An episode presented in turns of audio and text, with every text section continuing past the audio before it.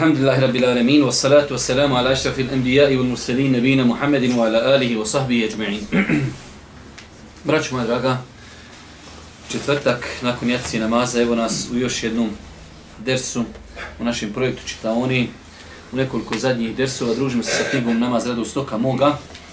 Prešli smo prvo poglavlje i večeras inšala započnemo sa drugim poglavljem greške u namazu. Mi smo već nekada na početku davno kazali da ova knjiga ima tri poglavlja. U prvom poglavlju prvenstveno smo željeli da kod ljudi po, pobudimo želju za obavljanje namaza. Govorili smo isto tako o opasnosti ostavljanja namaza i mnogi hadise koji govori o razno raznim vrstama e, namaza te vrijednostima koji su obećane za obavljanje određenih namaza. Večeras govorimo, ako Bog da o drugom poglavlju, to su određene greške kako u namazu, tako i za određene ibadete i postupke koji se vezuju za namaz. Ja sam malo obećao, pa počet ću inšala malo nešto čitati, pa ćemo vidjeti da spomenem određene stvari. Šta je to bio razlog da su nastali mezhebi? Jer dosta puta imamo jednostavno, hajde da kažemo, kod ljudi potrebu da razumiju šta je to, šta su to mezhebi u islamu. Zar, zar nam nije jedna vjera? Vjer, isti nam je Kur'an, isti nam je sunnet, isti nam je poslanik, ista kjava sad šta su mezebi, kako su nastali mezebi, iako vjerujte, danas sam se mnogo vremena proveo kod toga, doista mislim da jedno desetak predavanja čovjek bi trebao da održi o toj historiji nastanaka mezheba, da bi to, da bi to tema koliko toliko bila ispravno obrađena. Ali u svakom slučaju, inšala, mi ćemo nešto malo čitati, pa ćemo nakon toga e, od, određene stvari spomenuti. Počni nam čitati da vidimo šta ima u ovom poglavlju. Greške u namazu. Na početku ovog poglavlja treba napomenuti da je praksa Allahovog poslanika sallallahu alejhi ve sellem bila da kad bi vidio da ljudi čine određenu grešku, bilo u namazu, bilo u drugim svakodnevnim postupcima, ukazivao bi im na nju na lijep način.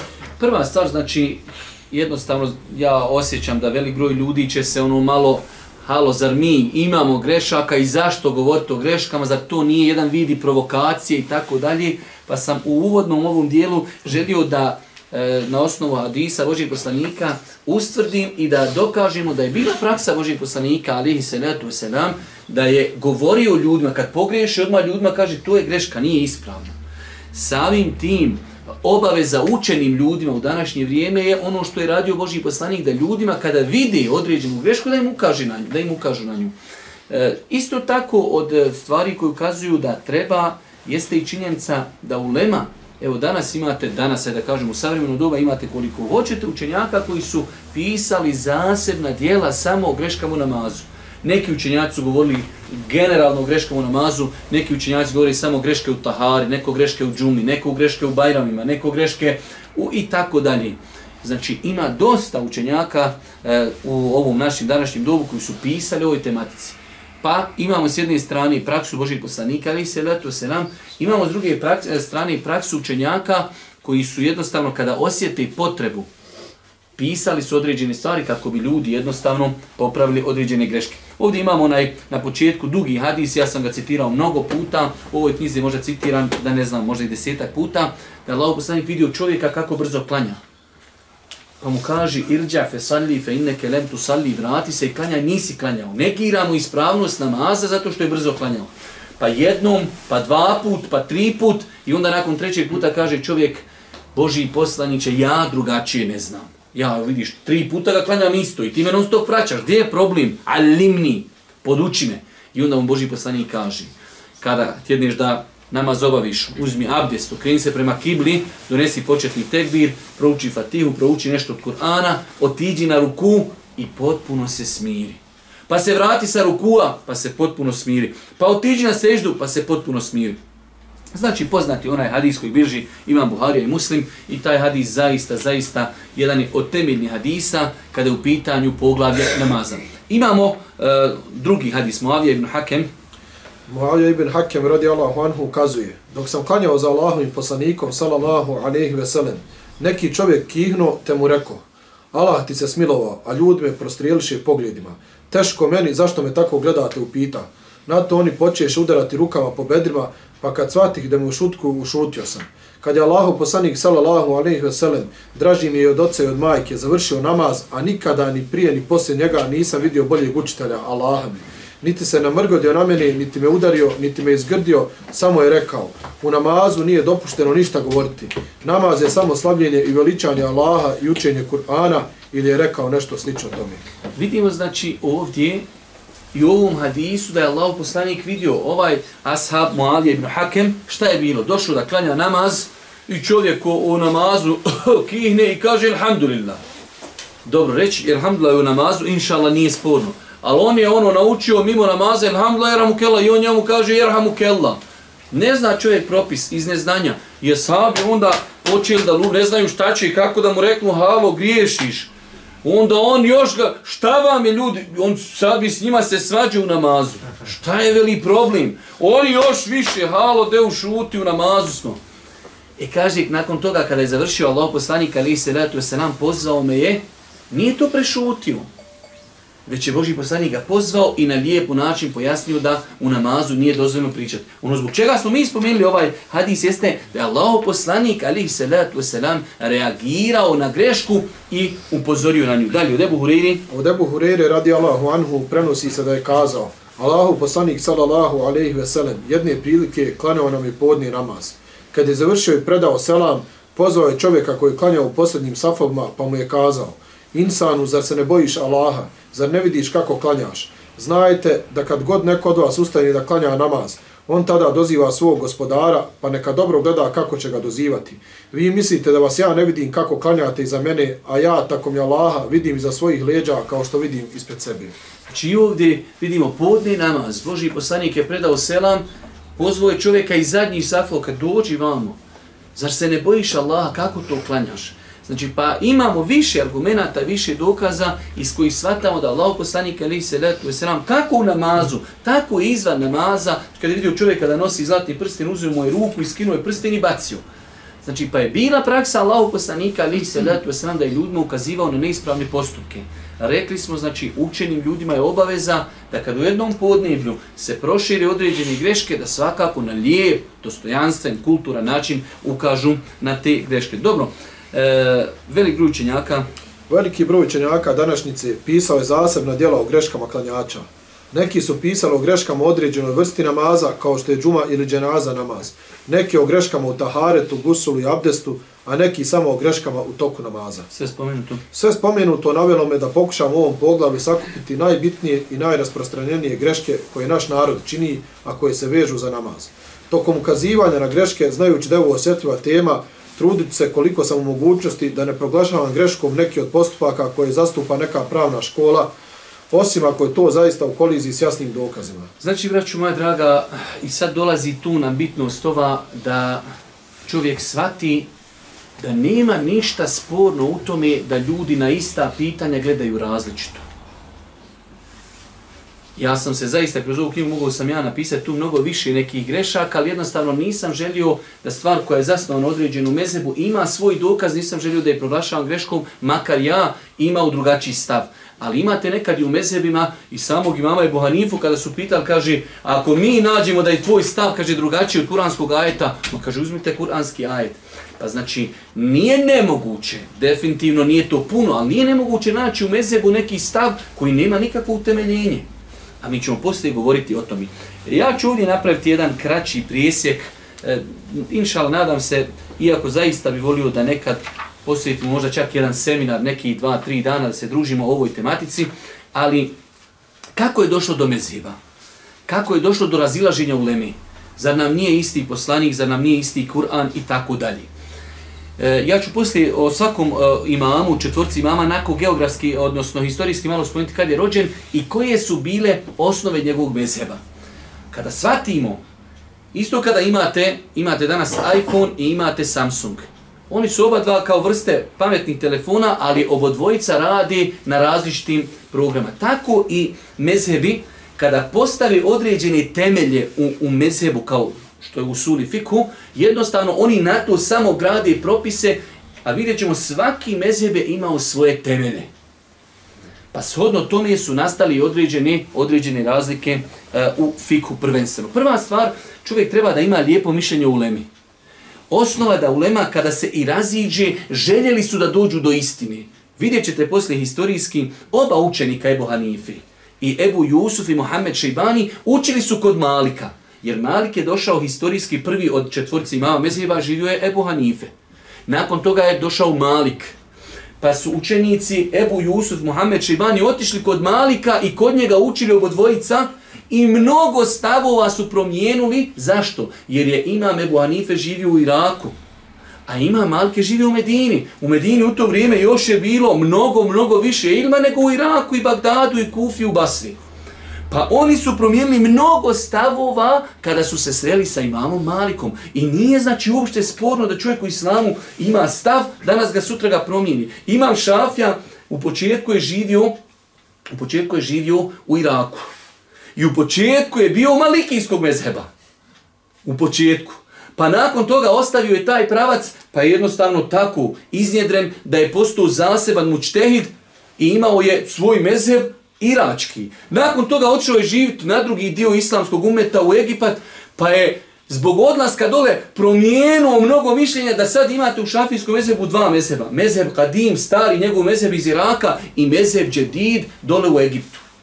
Znači nije u islamu i tako su oni odgajali ljude, već je došla poslije generacija ljudi koji su gledali istinu da je vagaju kroz ljude. Ovo je rekao moj imam, jesi ti pametni od mog imama, eto ti Peziću, čobanu goveda, ti sad pametni od Ebu Hanife. Ama nisam pametni od Ebu Hanife, ali što su njegova dva učenika razišla se sa njim u stotinama pitanja? Ja odgovorno tvrdim jer je to moja struka više od stotine, i ako ne, neću reći hiljede, ali stotine sigurno pravnih pitanja, Ebu Jusuf i Mohamed Šibani kažu mi se ovdje ne slažemo sa svojim imamom.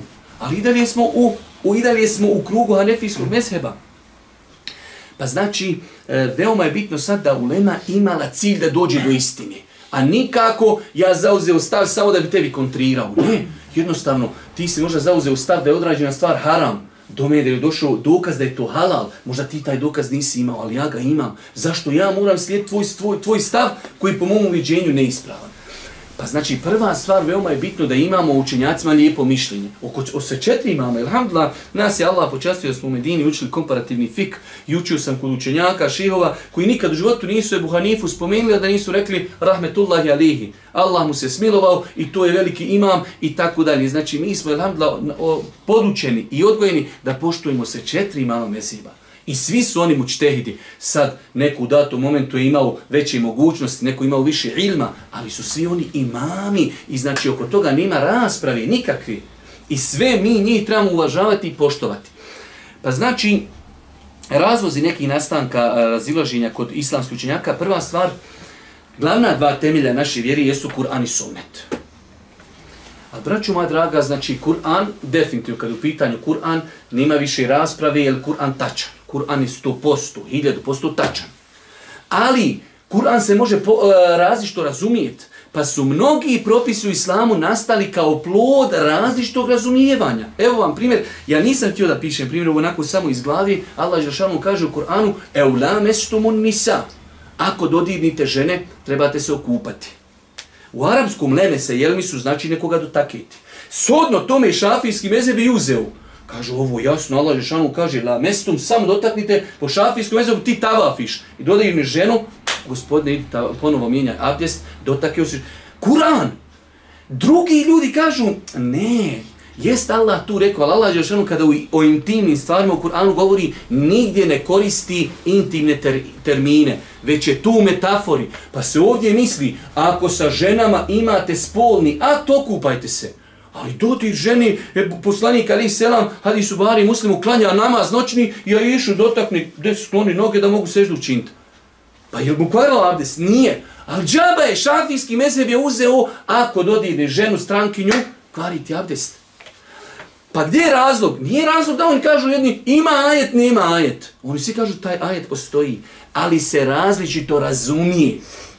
Ajet, koli, e, kako se zove, kura, znači, odnosno e, mjesečnica, kupanje žene i tako dalje. Imate mnogo, mnogo kuranskih ajeta koji se različito razumiju. Pa kad je u pitanju, znači, Kur'an, u pogledu Kur'ana, mi prvo kažemo Kur'an je autentičan, ali se može mnogo ajeta različito razumjeti i shodno tome dolazi različiti stavovi u mesebima. Dobro.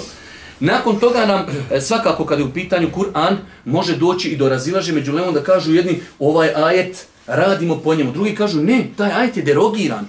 Pa se raziđu da li je određen ajet derogiran ili nije. I može se razići. Zaista, jedni kažu, mi imamo dokaz da ovaj ajet derogiran. Drugi kažu, ne, ne, kod nas ovaj ajet po njemu se radi, nije derogiran. Ili, opći ajet, pojašnjavajući ajet i mnogo toga uzrokuje da ulema zauzima različite stavove na osnovu istih dokaza. Nakon toga dolazimo do drugog temelja, to je hadis, sunnet Božijeg poslanika. U sunnetu Božijeg poslanika imamo jedan dodatni problem, a to je da bi hadis mogli koristiti, treba da bude vjerodostojan. Ok, pa imate stotine hadisa u pogledu kojih ulema kaže, jedna ulema kaže, ovaj hadis je sahih, drugi kaže, ne, ne, kaj daif. Ovi koji su rekli sahih, kaj mi ćemo na osnovu njega grad propise. Ovi koji su rekli daif, mi kaj na osnovu njega nećemo grad propise. Pa se ulema razišla da li je hadis sahih ili nije sahih. I samim tim, samim tim odmah rašti propisi. To je jedna stvar. Druga stvar, kao što i za Kur'an smo rekli, i sunnet Božijeg poslanika se može dvosmisleno shvatiti. Imali smo Kur'an, Kur'an ima samo jedan, to be Arabi, znači e, razlog razilaženja, svatanje. Sunnet ima i dva razloga razilaženja. Da li je vjerodostojen i nakon toga da li je isto svačen. Znate onaj hadis vjerodostojen, Boži poslanik kaže, hadis je zabilježen kod imama Buharije, neka niko od vas ne klanja, kaže, i kindiju namaz osim kod Benu Kureizi. I krenuli ljudi da idu prema Benu Kureizi, nastupile i kindije, kaže, ajmo klanjati. Kaže jedna skupina ljudi, a ne možemo klanjati. Poslanik je rekao, nemojte klanjati osim kod Benu Kureizi. Kažu, mi ćemo klanjati gore kad bi došli sutra, tek, tek ćemo gore klanjati. Uvijedi kažu, niste vi dobro shvatili. Jest tako poslanik rekao, ali je želio da nas potakne da što prije dođemo. Pa su jedni klanjali, jedni nisu klanjali. I kad su došli poslaniku, pazite Allahovi milosti, da nije prenešeno gdje je poslanik klanjao. Nema zabilježeno gdje je klanjao taj dan Boži poslanik i kindiju. Ali ima hadis u Barikaj i nikog nije ukorio. Razišli se u pogledu, šta mislite danas da se mi raziđemo da li klanjati kindiju ili ne klanjati? Ha, to bi bilo, letile bi, letile bi ovda gajbe. Jedni nisu klanjali. Što misliš, ti još kažeš, pa izdatno ja danas neću klanjati. E, neki ljudi. A sabi, jedni kad mi nećemo klanjati. Ibn Azm kaže, ja da sam bio s njima, i ja ne bi klanjao. Pošto on uzimao većinu stvari po vanštini. Ja kada sam bio sa sabima, i ja ga ne bi klanjao po vanjštini poslanika nemoj da klanjate osim kod Benu Kurizi. Ja da sam bio, ja bi klanjao. Ali džaba to su ljudski razumi. Neko je shvatio, nemoj da klanjaš osim kod Benu Kurizi. Znači, bukvalno, ne, ja ne smijem klanjati, poslanik mi zabranio osim kod Benu, treba mi gore da dojem do sabaha. Nema veze, gore ćeš i kindiju klanjati. U poslaničkoj naredbi. Ovi drugi kažu, nema, niste, to je bukvalno satanje. Poslanik je želio da požurimo. Pa znači, u sunnetu imamo razlog razilaženja, lanac prenosilaca, da li je hadis vjerodostojen ili nije, a imamo drugi razlog, svatanje hadisa. I imate, znate koliko imate hadisa u pogledu koji se ulema razišla? Jedni sat je ovo, jedni sat je ono. Imamo hadisa da se ulema razišla, dobro, naredbena forma u hadisu. Da li svaki put iz naredbene forme proizaz, proizilazi vađib ili može proizilaziti mustehab? Shodno tome jedna ulema kaže ovo u hadisu je vađib, drugi kaže, ma ne, to je edeb, to je sunnet i tako dalje. Pa znači to su, e, kad su u pitanju sunnet i kada u pitanju Kur'an, to su među glavnim razlozima, iako znači mnogo, mnogo toga bi se imalo na tu temu govoriti, ali samo je bitno da sutra kad uđeš neko zauzeo drugačiji stav, čitaš knjigu Meseba, joj, zar su moguće su oni ovaj stav zauzeli? Oni imaju svoje opravdanje iz ovih razloga koji smo spomenuli. Nakon toga tek dolazi Nakon toga tek dolazi do islamu, vi znate da imamo četiri neka najjača dokaza izvora vjeri, Kur'an, sunnet, konsenzus učenjaka i kijas analogija. Ali znači u pogledu e, konsenzusa učenjaka postoji razilaženje, nekoga prihvata, neko ne prihvata. I pod kojim uvjetima se prihvata i pod kojim ne prihvata. Kad je u pitanju analogija, jedni je, kao što imam Ebu Hanife, koristi u svemu, a drugi imam Šafije koristi samo u naj, najužim, u naj, najužim mjerama. Pa znači, e, to su ta četiri temelja, u pogledu ova dva postoji jaka razilaženja. Tek nakon toga dolaze drugi izvori šerijata, u, ko, u pogledu koji opet postoji mnogo razilaženja, da li se oni uzimaju kao izvori šerijata. govora sahaba. Imate ljudi, ime, imama Mezijeva koji kaže govora sahaba odmah nakon Kur'ana i suneta to izvor vjeri. Imate ljudi koji to ne prihvataju. Imate šerijati prije nas, objave prije nas, da li su nama one izvor vjere ili nisu. Pa imate dokaz, znači onaj propisa koji se uzimaju iz argumenata koji govori o šerijatima prije nas. Imate ljudi pa to se odnosi na nas, ne odnosi se na nas uopšte.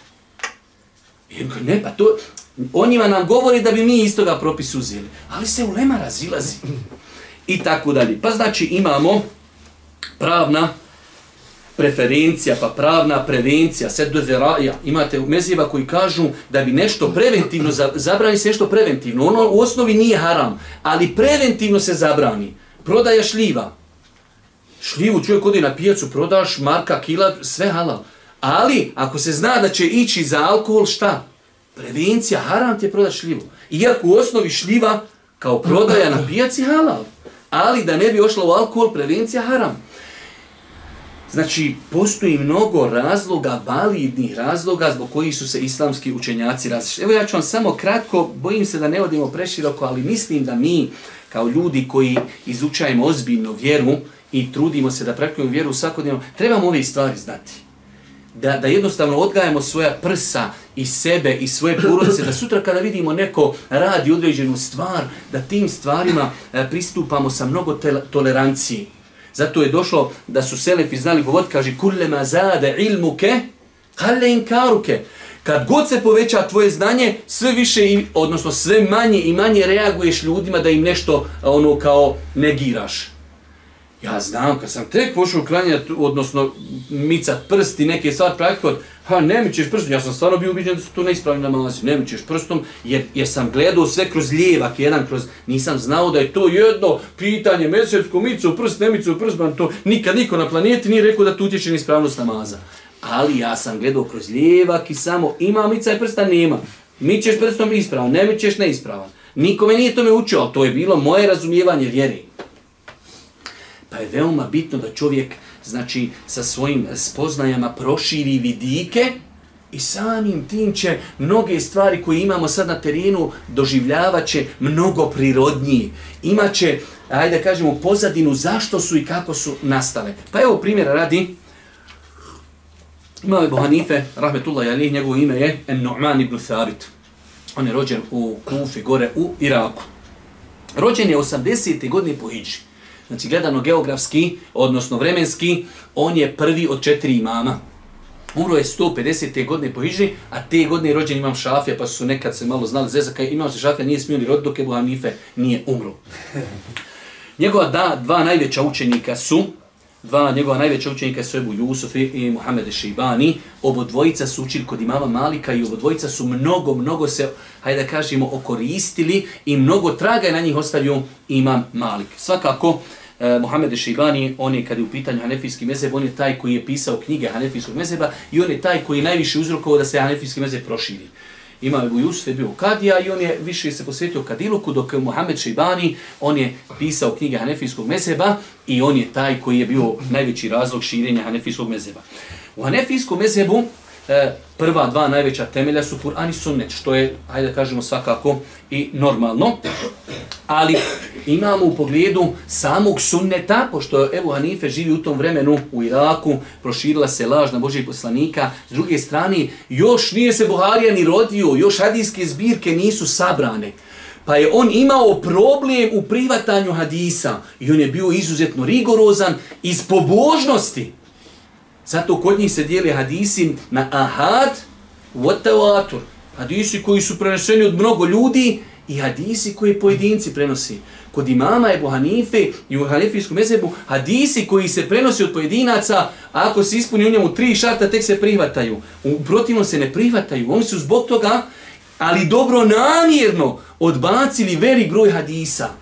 Vidjet ćemo poslije kako je išao e, historijski period prema imamu e, Ahmed ibn Hanbelu i Šafi, vidjet ćemo da su oni u pogledu toga, je li hadis vjerodostojan? Ma ne ga prenosi jedan čovjek ako je vjerodostojan, mi ga prihvatamo. Ali ovo je početak, još hadijske zbirke nisu formirane, još se Buharija nije rodio uopšte. I te, Tako treba pristupati pitanjima. Koliko imate pitanja da su imami mezheba zauzeli različite stavove, do ovoga došao hadis, do ovoga nije došao hadis. Ali problem dođe onda u sljedbenicima. Mi sad znamo ima taj hadis, ne, ne, ne znam ja, to ti sam pametniji od imama. Ma nisam pametniji, brate, haj čitaj, tako ti Allaha svevišnji. Što danas nošaš ovu klipaču, što danas ne nošaš krampu i sa krampom pričaš. Ide tehnologija i ti uzmaš bolji mobitel, tako i u mezebima. Ako imamo mogućnost da sada dođemo do hadisa koji kod imama Buhari i muslima, zašto ga ne prihvatimo? Ali nije to moj mezeb. Sam malo davio sam sebe. Zato što radimo nešto što nisu od nas tražili imami meziva. Nego oni su, oni su se u datom momentu potrudili koliko su mogli. Ali nakon toga su došla do određenih, hajde da kažemo, spoznaja, hadijske zbirke se okupile, zašto ne prihvatiti određene propise? Pa znači, eh, kod imama Ebu Hanife i Hanefijskog mezheba, eh, oni su imali taj, to je ono što sam vam rekao, temelji mezheba, svaki mezheb ima svoje temelje, oni su znači veliku pažnju davali govoru ashaba. Znači ide Kur'an, pa sunnet, pa govor ashaba. Kad je u pitanju sunnet, dijelili su znači te vijesti na mutevatir i ahad. Mutevatir to je nešto što prenosi neki hadis grupa ljudi.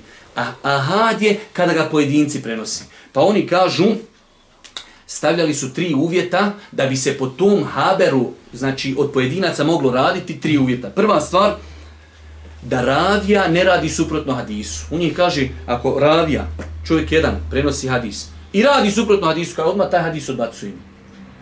Brate, šta mene briga šta ravija radi? Meni je bitno, je to 100% rekao poslanik? Jest, ja radim potom ali moramo shvatiti da su to radi ispred ostrožnosti. Kaj dok ravija radi suprotno, to znači da nešto ima sa ovim hadisom. Druga stvar, en la yakunu mimma ta'umu bih belwa da to nisu određena pitanja koja su mnogo e, pro, proširena. Ti sad dođeš i pojedinac prenosi, prenosi primjer radi o nečemu, o namazu. Namaz se svaki dan klanja i ja znam sam jedan hadis o namazu. Ma taj čoveče, mi svaki dan klanjamo i sad ti sad znaš jedan jedini o tome. A moguće, Jer su se asabi Božijeg poslanika, ali se ratu slavni, nakon njegove smrti raširili. Neko ošao u pravcu Iraka, neko ošao u pravcu Šama, neko ošao u pravcu, u pravcu Egipta, neko otišao na drugu stranu. Šta misliš, ashab bio sjedio s poslanikom, čuo on jedini hadis i odio je u, u Šam dole. Nije to uopšte, znači racionalno gledajući, postoji mogućnost. Čovjek čuo hadis, poslanik umru, on ga tu u Medini nikom nije kazao. Otišao u Šam i dole ljude podučava tom hadisu. Tako su i nastali isto razilaženja. Neki ashabi otišli u Irak i tabini. I onda oni su podučavali ljude a, a, a hadisma koji su oni znali. Ovi otišli u druge pokrajine. Onda kad se ljudi susreli, kaj ovi nas, naši nisu učili tako. Jer je svako prenosio šta? Ono što je čuo. Ali niko nije mogao sve čuti. Omer je bio Omer koji se najviše družio sa poslanikom. Hadisi o traženju dozvoli kad se ulazi u kuću, Omer nije za njih čuo. Omer je došao, znači jedan čovjek je kucu na vrata i Omer nešto bio malo zauzi sa ženom, a poslije kaže, ajde recite mu neko uđe kad njega nema. On pošli po njega. Vratio se on, kaže, što si ti niši ušao u kuću? Pa kaže, ja sam čuo, Adis poslanik kaže, tri puta pokcajte, ako vam se ne dozvoli, vrati se kući. Kaže, ne dovedeš neko ko to isto je čuo, fasovaćeš. Omera je bilo, jer pazi, vjera, čuj ti taj hadis, ja s poslanikom, non stop, ja to nikad nisam čuo. Kad je ošao ovaj čovjek straga, on ošao tamo u svoje pleme, ima kaj jednog, ali to su htjeli i namjeru malo da Omeru pokaže, ima kaj jedno dijete koji čulo to, aj vodite ovog malog, nek mu mali pokaži. I mali došao kao Omer, ja sam čuo poslanika da je rekao ta hadis. A, to sad je u redu. Znači, Omer koji, Omer nije čuo neke hadise. E tako je taj Omer isti mogu otići u Šam i dole ljude podučavati tom propisu, a neko otići možda u Irak pa podučavati ljude drugim propisima. A to su razlozi nastanka razilaženja među učenjacima. Isto tako imam Ebu Hanife nakon ova e, tri, e, kak se zove, tevelja i mezheba, dolazi kijas. Oni u nedostatku hadisa, jer su određene hadise, prvo nisu se još hadise objedinili, drugo nisu i privatali. Mnogo su imali potrebe za analogijom. Dok drugi mezebi nisu imali jer su imali dokaze. Pa imam Ebu Hanife mnogo, mnogo koristio kijas.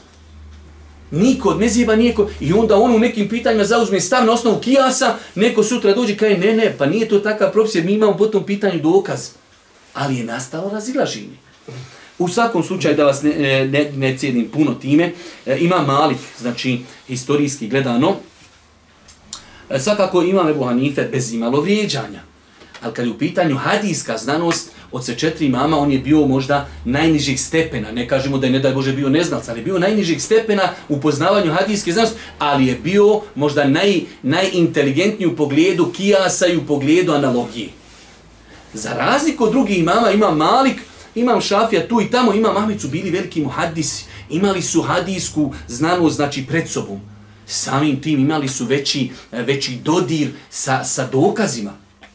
Ima Malik je došao historijski, e, znači gledano vremenski, poslije mama Ebu Hanife, rodio se 95. godine po Hidži, a umro je 179.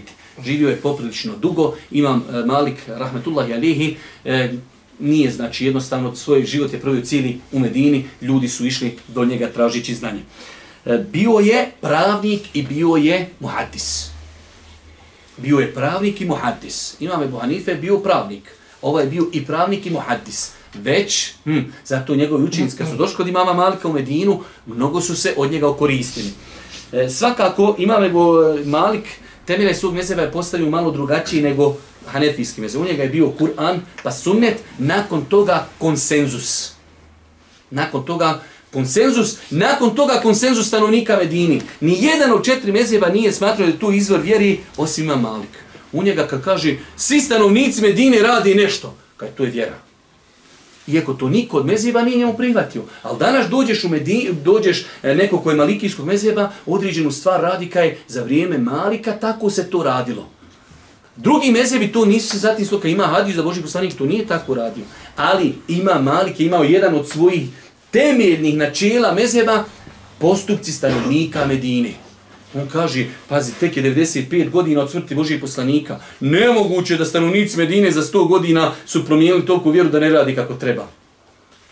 Ali je to jedan eh, od razloga nastanka razilaženja u, u među lemom da ostala tri mezeba taj njegov temelj nisu prihvatili. Jedini ga on postavio.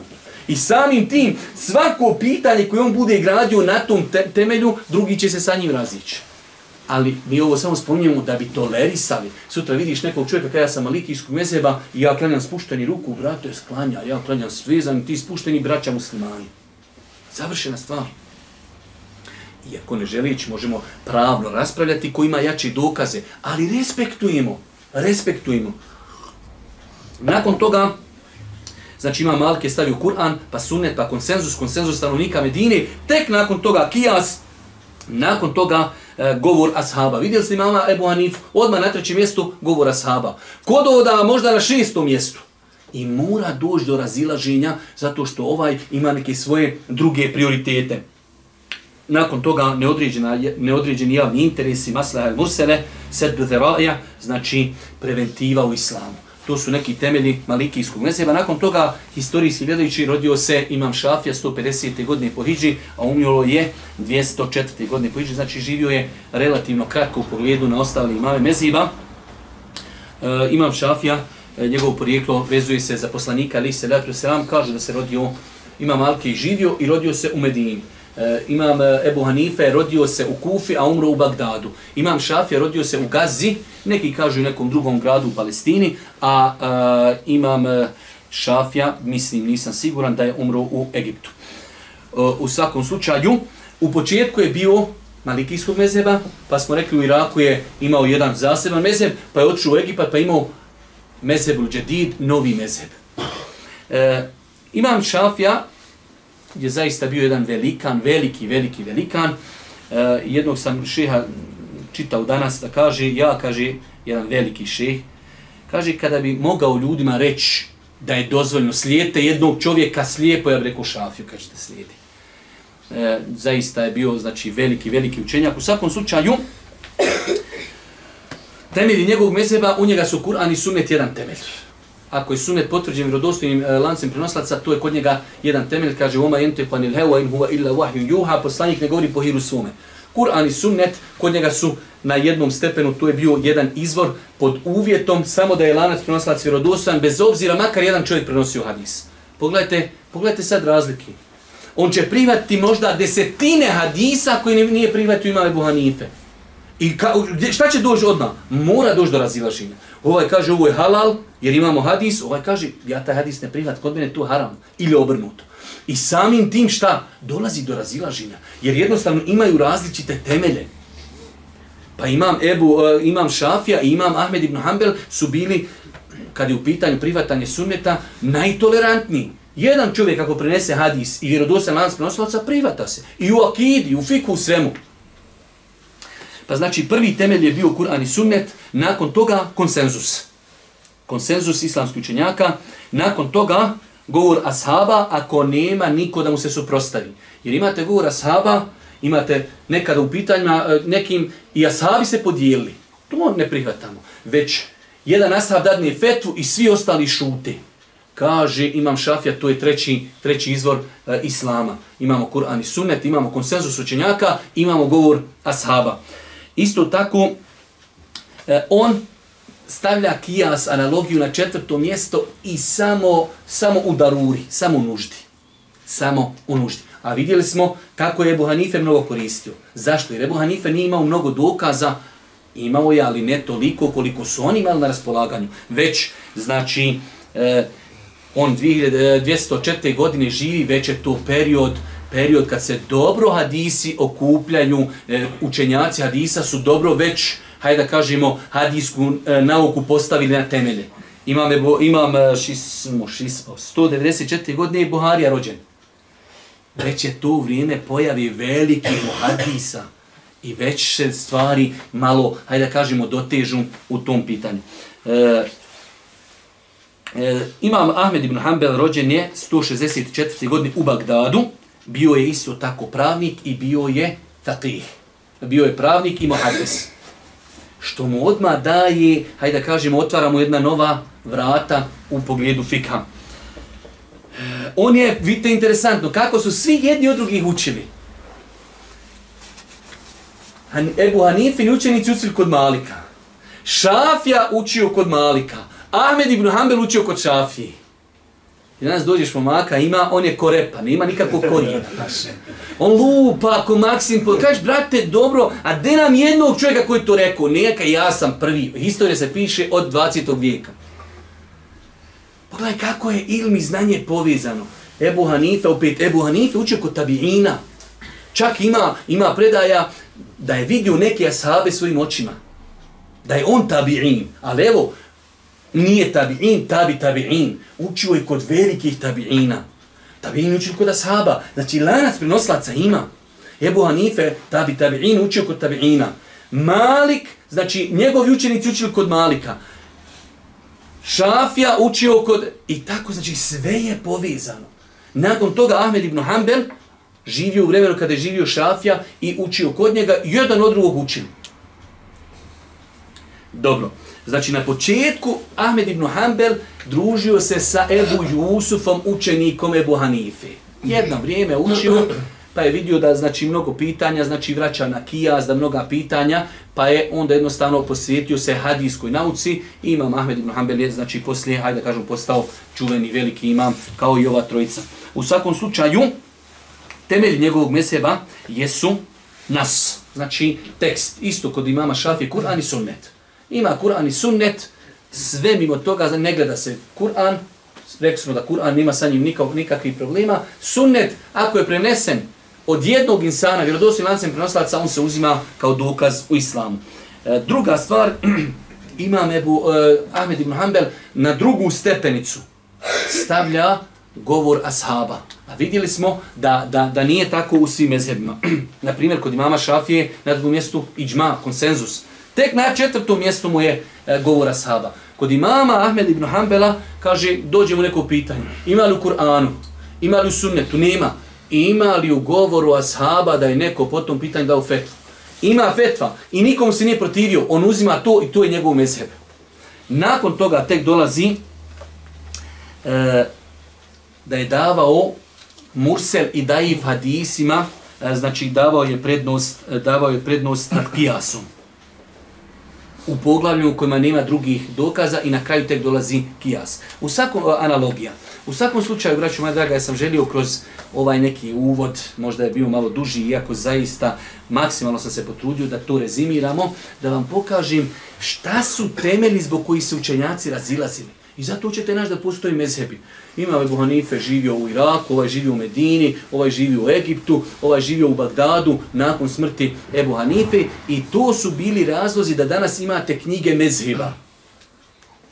Ne da je tu, ne daj Bože, različita vjera. To ista vjera sa istim dokazima Kur'ana i Sunneta, ali se u većini slučajeva vraćaju pitanja na razumijevanje dokaza Kur'ana i Sunneta, da li je hadis vjerodostojan ili nije, i vraća se vraća se da li je do, do nekoga došao određen hadis, da li nije i tako dalje. Ali je bitno veoma da znamo da su svi oni imali namjeru samo da dođu do istine, pod jedan, da su ljude posticali na toleranciju, jer vi vidite da su normalno Ebu Hanifni učenici ušli kod Malika. Znači, normal, to je kod njih bila normala, dok mi danas to ne znamo tako živjeti. Dobro, idemo, greške pri obavljanju nušti. Znači, zašto, braću moja draga, e, govorimo o namazu, a imamo greške prvo poglavlje prilikom obavljanja nužde. U većini slučajeva čovjek kada hoće abdestiti, ne uvijek, ali u većini slučajeva ide u toalet, da bi u toalet uzo abdest i u većini slučajeva čovjek obavlja neko od fizioloških potreba. Naša vjera Islam je alhamdulillah toliko savršena i potpuna da imate desetine, ako ne i stotine hadisa koje je Boži poslanik izrekao koji govori o tome kako se ponašati u periodu dok je čovjek u toaletu i vidjet ćemo da je to veoma bitno. S druge strane imamo određene prekršaje koje ljudi ili greške koje ljudi čine u tom pogledu. Počnam čitati Islam. Islam je savršena i potpuna vjera. Čovjeku pojašnjava sve što mu je potrebno u svakodnevnom životu, pa čak i kako da se ponaša prilikom obavljanja nužde. Allahu ekber. Ja ne bi nikoga de definitivno navrijeđam, ali pogledajte sada druge religije. Uzmite njihove knjige koji govori o njihovim propisima i to, to, je, to je toliko suženo, to je toliko koliko je islam širok, koliko je precizan. I znači, uzmijete stvari u islamu, to je na namasu, da li ovako ili ovako micat prstom. I sve ima dokaz. Toliko precizno. Mi sva, ako ćeš čistiti zube, hoćeš lijevom rukom ili desnom, jel se ovako čiste ili ovako? Mi sva, čišći, o, čisti kako hoćeš. Ne, ne, ne, sve ima dokaz. Hoćeš li ovako čistiti zube ili gore dole? Hoćeš li lijevom rukom ili desnom? Hoćeš staviti sat na ruku, na desnu ili na lijevu ruku? Hoćeš staviti prstin? Na koji od pet prstiju, na kojoj ruci? Sve definisano. Allahu ekber. Da ne govorimo o krucijalnim velikim pitanjima. Život čovjekov, brak. Še, ja i se sestra upoznali, eto babo, nešto njemu treba da čeka dvije godine, da završi e, fakulte. Možemo mi bez njega? Ne merete paša. Kratko jasno, poslanik kaže la nikaha illa bi wali, nema braka bez saglasnosti starata. Pa znaš, i nas safatalo, safatalo. Ili se ženi kako treba, ili se nemoj ženiti. Pa islam je i velika, krucijelna pitanja od politike, od države, od halal nisa, od ovoga, od braka, od kupoprodaje, od kamati. Sve je u islamu definisano. Pa je definisano kako da boraviš u viceu garantujem, kad bi neko sakupio sve hadise koji govori o tomi kako čovjek treba se ponaša u, u, u toaletu, trebala mu volika knjiga da se napiše. 100%.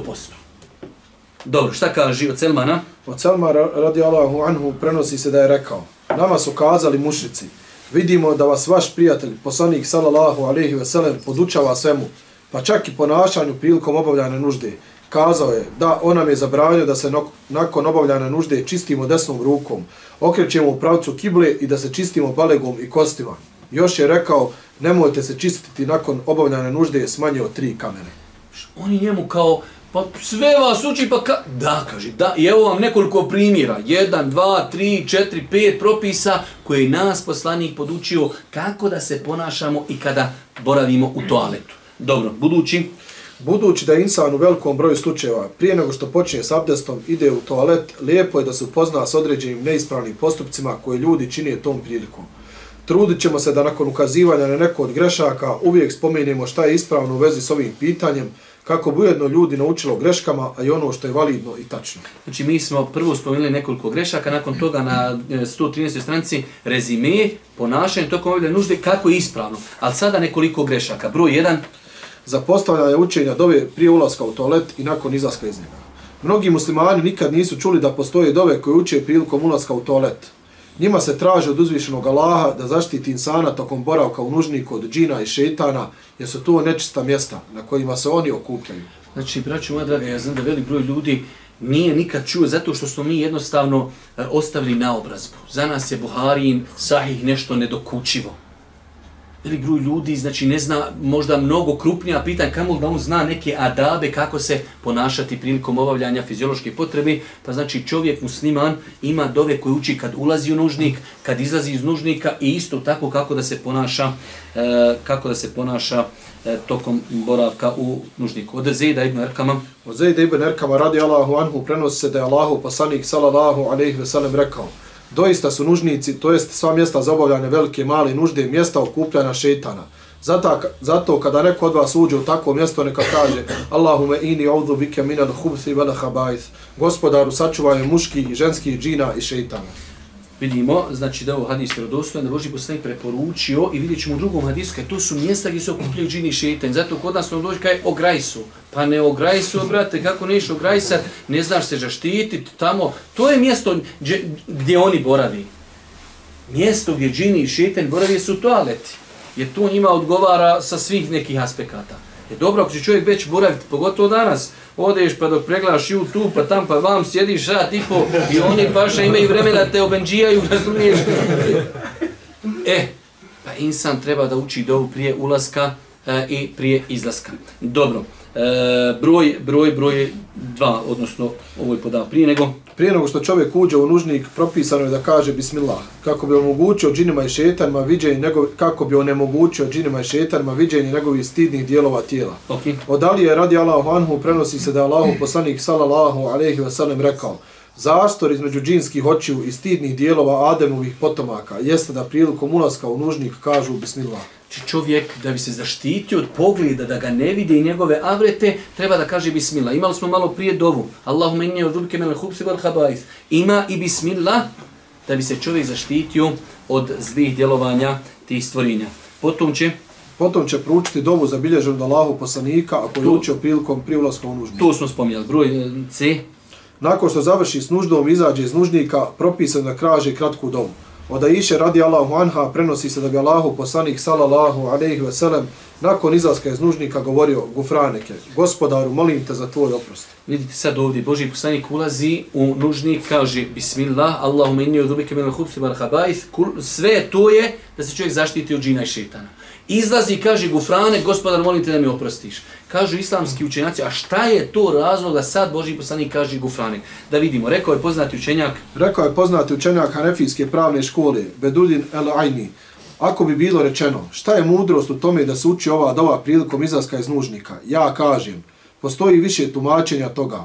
Prvo je da je poslanik sallallahu alejhi ve sellem tražio oprost jer je ostavio spominjanje Allaha u nužniku tokom obavljanja nužde kao da je smatrao da je zakazao kada je riječ o tome i ubrajao to sebi u grijeh, pa je pokušao da nadomjesti istikfarom, odnosno ovom domu. Pogledajte, kako je ulema, kako je ulema pronicljiva. Sad oni, pazite, Boži poslanik nije pojasnio zašto je to rekao, ali učenjaci pokušavaju da dokući zašto je poslanik kad izašao iz VCA rekao Gufrane, gospodaru, prosti mi. Pa kažu učenjaci, zato što u tom periodu dok je u WC-u on ne zikri, ne spominje Allaha, ne zikri Allaha, pa je to sebi smatrao kao jedan vid grijeha. Pa onda, kad iziđem, daj da to nadomjestim gospodaru, prosti mi što nisam mogao u WC-u da te spominjem da zikrim. Allahu akbar. Broj dva, drugom. Drugo, tražio je oprost jer je zakazao zahvaljivanje na blagodatima. Uzvišen je Allah ga je nahranio, potom olakšao da to bude provareno, a zatim da nečistoća izađe iz njega, te je stoga osmatrao da je njegova zahvala nedovoljna da bi dostigla prava ove blagodati, pa je požurio da se pokaje, to je slučaj ovu dobu. Allah Drugi e, kao pojašnjenje, zašto li on traži obraz, kaže zato što čovjek kad ode u WC, vi znate kako ima ljudi koji imaju problema sa crijevima, problemi sa mokraćom, problemi sa izmokravanjem, koji su to problemi kad čovjek ima problema sa tim, zna kako to i boli i kako je to teško. Kaže, pa je Boži poslanik bio svjestan te blagodati, Allah Đelšanu te nahrani stomak, bez tvojih neki ikakvih, što bi rekao, naredbi, to provari, neđaset iz insana iziđi na normalan način, pa kaže, insan nije zahvalan dovoljno Allahu na tim blagodatima, pa je poslanik učio dovu u kojoj je tražio oprost od Allaha što mu nismo zahvalni na tim, na tim blagodatima. Pa, pa znači prva stvar od grešaka prilikom uh, ulaska u nužnik jeste da se ne uči dove prilikom ulaska bismillah, Allahumma inni udhubike mele hubithi wal habaith, prilikom izlaska gufranek. Druga greška, Čišćenje nakon nužde desnom rukom. Mm -hmm. Jedan od općih islamskih principa jeste i to da se desnom rukom čini lijepe stvari, a lijevom neugodne. Stoga je propisano da se čovjek nakon obavljanja nužde očisti lijevom rukom. Činjenje toga desnom rukom smatra se greškom jer, je jasno, jer se jasno protivi zabrane Allahu poslanika sallallahu alejhi ve sellem. znači propis čovjek treba da zna, rekli smo generalno pravilo islamu, desnom rukom se radi lijepe stvari, lijevom rukom se radi stvari nečiste i koje, ajde da kažemo, nisu lijepe. Jasni su hadisi po tom pitanju, inšal koji bilježi imam Buharija, muslim da Boži poslanik je zabranio da čovjek se čisti posle nužde desnom rukom. Broj 3, kada inša da priđemo noćas ako ništa ove greške, pa ako Bog da nastavit ćemo drugi. Broj 3. A, Otkrivanje stidnih mjesta pred drugima prilikom obavljanja nužde. Uh -huh. Musliman bi trebao poznavati granice stidnih dijelova tijela koje ne smije pokazivati ni pred muškarcima ni pred ženama. Granice stidnih dijelova tijela muškarca pred muškarcima po velikom broju učenjaka jesu ono što je između pupka i koljena. S određenim pojašnjenjima spadaju li i pupak u koljeno u njih. Prema tome, musliman bi se trebao maksimalno truda, njegov avret ne vidi niko osim njegove supruge. Iz ovoga je vidljiva greška onih koji obavljaju nuždu pred drugima otkrivenog avreta. Znači, to je poznato pogotovo u tim nekim javnim nužnicima. Danas dođete na aerodrom, poreda se deset ljudi, jedan do drugog, razgovaraju, pričaju. E, da Allah oprosti malo više, možda u gradovima i ne javno, ali možda u tim nekim malo ruralnim sredinama. To je pa skoro pa normalno stvar. Ljudi sjedi, i pričaju, inako obavljaju fiziološke potrebe, velike, mali, nije tu znači uopšte ništa sporno. E, kaže Allah poslanik u hadisu, jer doslovno, neka muškarci ne gledaju avrete drugih muškaraca i neka žene ne gledaju avrete žena.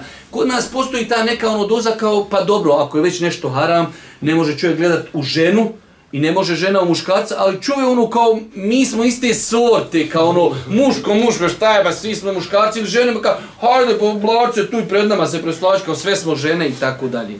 Što nema osnove u islamu. Znači čovjek ima svoje avrete pred ženama, čovjek ima svoje avrete pred muškarcima. Pa se čovjek treba paziti takvi stvari. Nečuvanje od mokraći četiri. Na čuvanje od mokraći. Mnogo je onih koji nisu svjesni da je obaveza muslimanu da prilikom obavljane nužde strogo pazi da nešto od nečistoće ne doprije na njegovu odjeću ili tijelo. Pa makar to bilo je zanemarivo kao sitne kapljice koje se odbijaju od zemlje ili tvrde podloge na koje insan obavlja fiziološku potrebu. Znači, Allah najbolje zna, isto tako ja bar što, što iz svog nekog spoznaj živeći sa ovim našim narodom, velik broj ljudi kod nas uopšte se nečisti od mali nuždi, od mokraći. Što je mnogo sporno šerijatski, što je mnogo sporno šerijatski. Tako da čovjek treba da zna, vidjet ćete sad, znači, velike prijetnje, kaburska kazna. Prvo što je velika prijetnja, s druge strane, na taj način čovjek dovodi, dovodi svoj namaz u pitanje.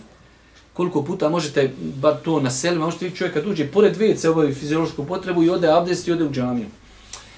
Znači, na taj način čovjek dovodi svoj namaz u pitanje, a s druge strane odjeća je unečišćena sa mokraćom i na taj način, znači, izlaži se s kaburskoj patnji, a s druge strane svoj namaz dovodi u pitanje. Pa kao što je obaveza očistiti se i oprati se nakon velike fiziološke potrebe, isto tako nakon mokrinja. Obavezu. Šta kaže Debu Huriri? Od Debu Huriri radi Allahu anhu prenosi se da je Allahu poslanik sallallahu alejhi ve sellem kazao većina kaburske patnje je zbog nečuvanja od mokraće.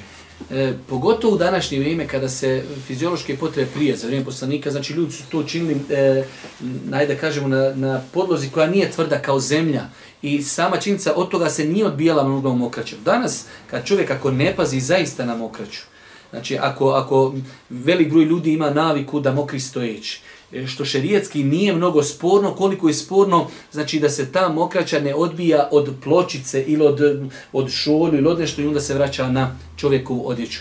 Tako da bi čovjek sebi trebao uvesti e, gdje god da može što više da mokri, znači čučeći ili sjedeći. To je prva stvar. Sve s ciljem kako bi se što bolje sačuvao od mokraći. S druge strane, znači, obavezno čišćenje i pranje nakon oba dvije fiziološke potrebe. Pranje i muškaraca i žena isto imamo jednu pojavu, znači i kod žena koja nije sigurno plavo za spominjanje. U svakom slučaju, e, neđaset mokrači, e, znači neđaset izmeta, izmeta u islamu je na istoj deređi. Jedno neđaset, drugo neđaset. Tako da, to je velika greška koja može uzrokovati neispravnost namaza, a može isto uzrokovati kabursku patnju. Broj četiri, pri. Iz, izostavljanje čišćenja nakon nužde. Kao što ima mnogo onih koji se ne čuvaju od nečistoće tokom obavljanja nužde, tako ima i oni koji se ne čiste nakon obavljene nužde, naročito kada je riječ o čišćenju od mokraće.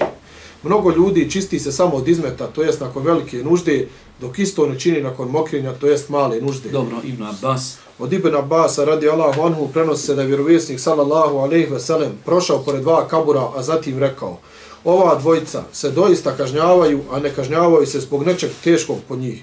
Jednog od njih, jedan od njih se nije čistio od mokraće, dok je drugi činio nemire, to jest prenosio tuđe riječi kako bi zavadio dvije strane. Znači Boži poslanik prolazi pored kaburu i kaže ova dvojica se kažnjavaju. Ali kaže ne kažnjavaju se zbog nečega što je to bilo teško ostaviti. Jedan od njih se nije čuvao mokraće, jedan od njih je prenosio ljudima tuđe riječi. I lako je se čuvati od mokraće i lako je čuvati svog jezika od prenošenja tuđih riječi. Samo ako insan to hoće. Ali se kaže sad kažnjavaju u kaburu zbog toga. Pa insan musliman, vjernik, treba da uzme istoga pouku, da ne daj Bože ne bude upozore na to i dalje da ustraje na takvim greškama. Broj šest. Uvjerenje da tišćenje papirom, to jest kamenom, u prisustvu vode nije validno. Mm -hmm. Dio ljudi u neznanju, a vjerujem s dobrim namjerama, smatra da je neispravno čišćenje nakon nužde nečim mimo vode kao što je toalet papir. Treba znati da je validno čišćenje nakon nužde nečim čistim kao što je toalet papir, pa makar insan ima u rasporaganju vode kojom to može učiniti. Normalno pod uvjetom da to bude na način koji su učenjaci namjeri. Znači, vjerujte, braću moja draga, pogledajte koliko je islam savršen, lijep, potpun. Dobro, mi možda kad živiš u Bosni, pa možda, hajde kažemo, čak i toaleti da su datom momentu i prilagođeni muslimanima, da imaš znači, vodu u WC i tako, odeš, odeš u Evropu, odeš na aerodrom, znači kolika je olakšica da je u islamu dozvan se čovjek nakon nužde ili mali ili velike očisti papirom. Ako je dož, Boži poslanik za, za njegovog života dozvolio da se ljudi očiste kamenom, onda se čovjek očisti toalet papirom sto puta je preči i, i, i čišći i sto posto znači da je adekvatniji. Pa čak u prisustvu vodi.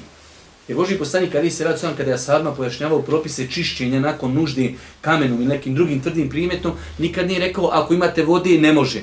Znači čovjek i da ima vode, želi da se očisti toalet papirom, njegovo čišćenje je validno s tim što u islamu postoji posebna pravila za čišćenje od fizioloških potreba ako se čisti vodom, a posebna pravila ako se čovjek čisti nečim mimo vodi. Kada je u pitanju čišćenje vodom, dovoljno je da nestane traga nečistoći. Ako bi čovjek jednim pranjem to učinio, ispravno je. Dok kada je u pitanju čišćenje nekim tvrdim prijedom, mora biti tri puta, mora.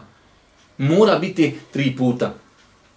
Ali je validno ali je validno i to je Allahova velika blagodat znači prema ljudima, pogotovo ljudima koji mnogo putuju, ljudi koji idu po svjetskim aerodromima, po autobuskim stanicama, znači ne može čovjek sebi neprestano obezbijediti da ima e, vodi. Ovdje imamo jednu, e, kako se zove, e, fetvu da je stama komisija u Saudijskoj Arabiji, da su im postavili to pitanje, da su odgovorili da je to validno. Broj 7.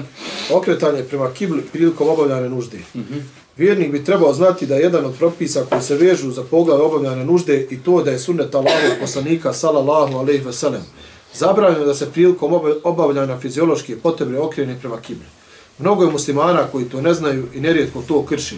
Zabrana se odnosi na okretanje u pravcu kibli bez obzira na to jel se okrenuo prsima ili leđima ili je riječ o velikoj ili maloj nuždi. Zabrana se odnosi prvenstvo na osobu koja nužda obavlja na otvorenome, a prema određenom broju učenjaka i na onoga ko to čini unutar nužnika. Znači, čovjek kako gradi kuću. Da, velik broj, hajde kajem velik broj, dio učenjaka je dozvolio da čovjek ako je u zatvorenom, da više ta zabrana ne potpada. Ali je bio velik broj učenjaka ummeta koji su smatrali da zabrana okretanja prema kibli ili prsima ili leđima, da je zabrajeno čak i kad je to u nekim zatvorenim prostorijama. Znači kad čovjek obavlja fiziološku potrebu negdje gdje nije znači u zidanim prostorijama na polju, bez obzira e, prsima ili leđima ili velika i mala nužda, to je strogo zabranjeno. Hadisi u Buhari muslimu ne Boži poslanicu strogo zabranjeno. U pogledu ako to čovjek radi unutar, hajde da kažemo, e, kuće, unutar e, nužnika, ima olemije koja je rekla da se ta zabrana odnosi na to, ali definitivno čovjek bi to treba opet izbjegavati.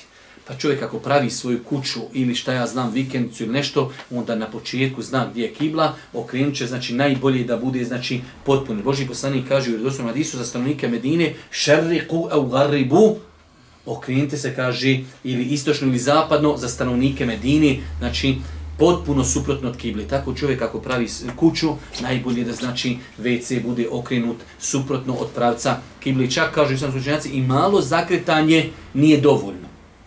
Pa znači imamo da je zabrana da je zabrana na otvorenom prostoru odnosi se na četiri stvari. Okretanje prsima, okretanje lijeđima, mala i fiziološka, velika fiziološka potreba. Kada u pitanju znači obavljanje fiziološke potrebe u kući, ima određen dio učenjaka koji smatruju da se te zabrane ne odnosi na, taj, e, na to, ali bolje je bolje da čovjek to e, maksimalno izbjegava.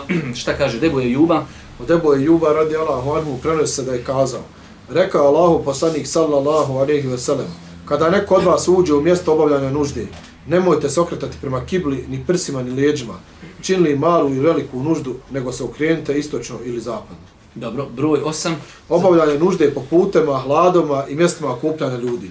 Jedna od grešaka koja se već za ovo poglave jeste obavljanje velike i male nužde, nužde po putema, hladoma u kojima ljudi odmaraju ili na javnim mjestima gdje se ljudi okupljaju i kuda prolazi.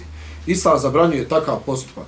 Razlog je više nego jednostavan. Time se uznemiravaju ljudi, a Islam poziva na maksimalno udaljavanje od bilo kakvog uznemiravanja drugih. Pogledajte kako Islam savršen. Znači, do te mjeri da ti reguliše i da ti savjetuje gdje ćeš ti fiziološku potrebu obaviti. Da ne činiš tamo gdje bi to moglo nekoga uznemiravati. Da ne činiš na javnim mjestima. Da ne činiš, u, prija, ljudi su se odmarali u hladojima.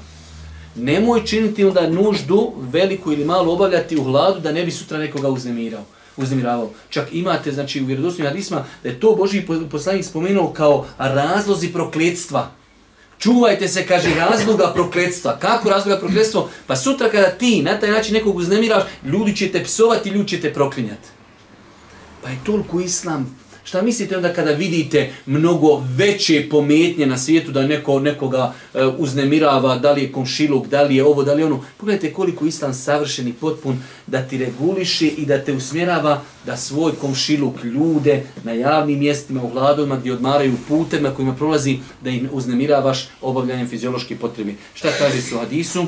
Od Ebu Hureyre radi Allahu anhu prenose da Allahu poslanik sallallahu alaihi wa sallam kazao čuvajte se dva djela zbog koji će vas ljudi proklinjati. Rekli su, a koja su to dva djela Allahu poslaniće? Kazao je, vršenje nužde po putema kojima ljudi hode i lju, kojima hode ljudi ili u hladoma u kojima se odmaraju. Jasan hadis. Pročitat ćemo da ne bi poslije nam ostalo ovo samo prvu ovu stranicu eh, rezime ponašanja tokom nužde. Nakon što smo ukazali na osam grešaka prisutno u ovom poglavlju, da vidimo samo rezimirano kako se čovjek treba ponašati prilikom obavljanja fiziološke potrebe. Pod jedan prije ulaska reći bismillah. Dalje. Proučiti dovu prije ulaska u nužnik Allahume inni audhu bike minal hubthi minal, odnosno minal hubuthi vel habajsi. Yes. Znači ima, ima u jednom rivajetu minal hubuthi, a u jednom je minal hubthi. Pogledajte čak, znači sama ova stvar kad kažeš sa, sa sukunom i sa fethom mijenja značenje. Allahumma inni audhu bike minal hubthi. I ima minal hubuthi. I rekneš jedno, jedno znači, rekneš drugo, drugo značenje.